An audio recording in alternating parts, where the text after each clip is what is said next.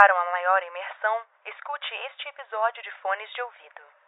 Antes de começar o episódio, não se esqueça de nos seguir no Instagram, pesadelos.cast, no Twitter, pesadeloscast e curtir nossa página no Facebook. Caso queira contribuir para o crescimento do canal, acesse apoia-se barra pesadelos.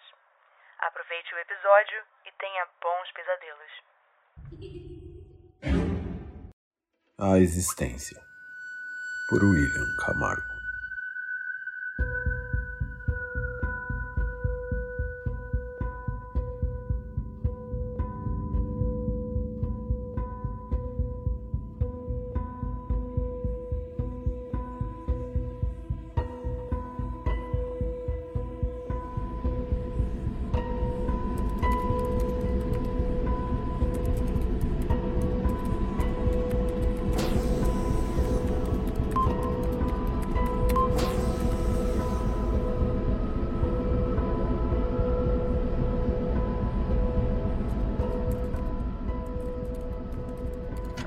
Tudo teve início com aquela pequena formiga. Estávamos há seis anos trabalhando naquele projeto. Tratava-se de algo simples. Tentamos, eu e toda a equipe de cientistas, através de impulsos elétricos coordenados, implantar uma memória no minúsculo cérebro do inseto. Uma memória simples. Alteramos o lugar original de sua colônia e ao invés da operária levar a comida para a colônia, levaria especificamente para o lugar que decidimos. E após algumas tentativas, enfim conseguimos. Tentamos vender a ideia para todo tipo de laboratório, investidores, todo tipo de empresa. Buscamos as mais diversas aplicações. No entanto, ninguém ligava para a memória de uma formiga. Então, eu decidi, sem que o comitê de ética soubesse, claro, reproduzir o experimento, mas desta vez em cérebros mais desenvolvidos. Comecei por ratos, passei para gatos, depois chimpanzés, e sim, todos deram certo. Conseguimos, através dos impulsos elétricos coordenados, mudar na mente de um primata quem eram seus pais originais. E a criatura acreditou piamente que as novas inserções eram as reais, indistinguíveis das originais.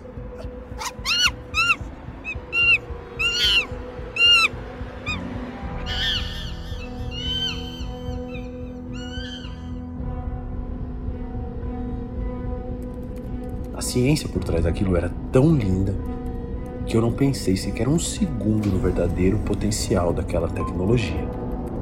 Só faltava uma coisa testar no cérebro mais evoluído que conhecemos. Porém, eu jamais conseguiria autorização para testar em humanos. Então você já deve imaginar o que vem a seguir, não é mesmo?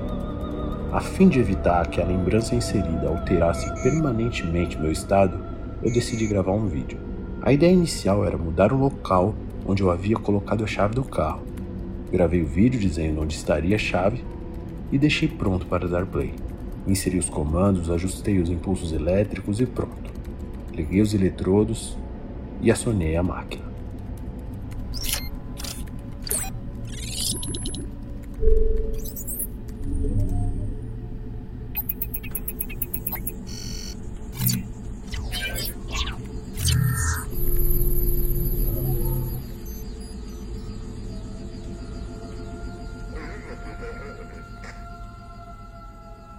Choque não foi forte, eu fiquei meio tonto e ao sair da máquina eu vi o vídeo pronto para dar play. E era eu dizendo que a chave do carro estava na gaveta do escritório. Mas eu tinha absoluta certeza que não estava ali, que estava sob o balcão da cozinha. E obviamente aquela foi a lembrança que eu implantei, ou seja, sucesso.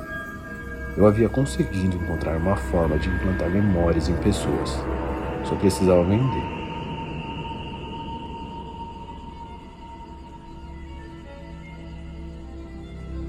Mas eu não estava satisfeito. Eu queria mais e deveria ter parado ali mesmo, porque o que estava a seguir foi ainda mais grandioso. A ideia agora era transmitir os impulsos em tempo real, através de um simulador.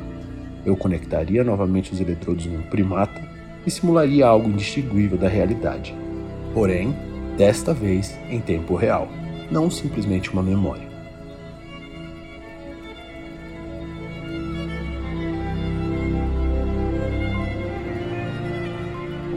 E eu fiz. A simulação era possível apenas com coisas das quais o chimpanzé já tinha visto ou imaginado. Mas as coisas ficaram complicadas quando a simulação simulou algo que o primata ainda não havia concebido. A máquina parou e os impulsos perderam a potência. Então, agora era minha vez. Tentei reproduzir ao meu cérebro a idêntica sensação de voar. E eu o fiz. Liguei os eletrodos e pronto.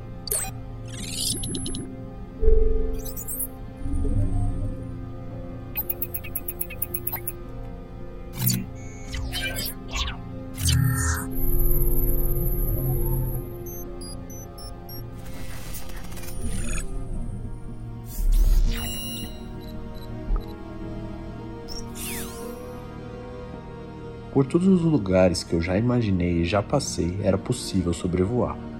Tudo indistinguível da realidade. E ali eu criei a primeira realidade simulada. Ou não.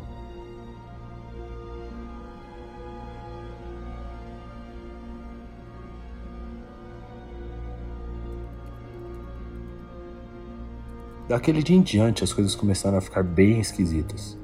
Quando eu percebi que aquela tecnologia era possível, eu pensei: e se ela já existe? E se em algum lugar isso já tenha sido criado?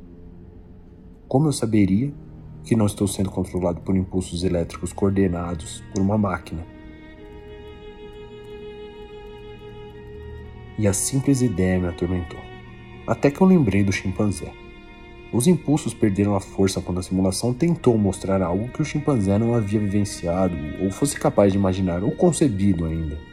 Naquele instante, percebi que era impossível, porque, diferente dos chimpanzés, nós controlamos nossa imaginação. E seria impossível imaginar algo nunca antes imaginado. Neste caso, eu, você e todos os seres humanos que você já viu somos completamente incapazes de distinguir se a realidade em questão é ou não a verdadeira. Afinal, imaginar é o mais humano dos pensamentos.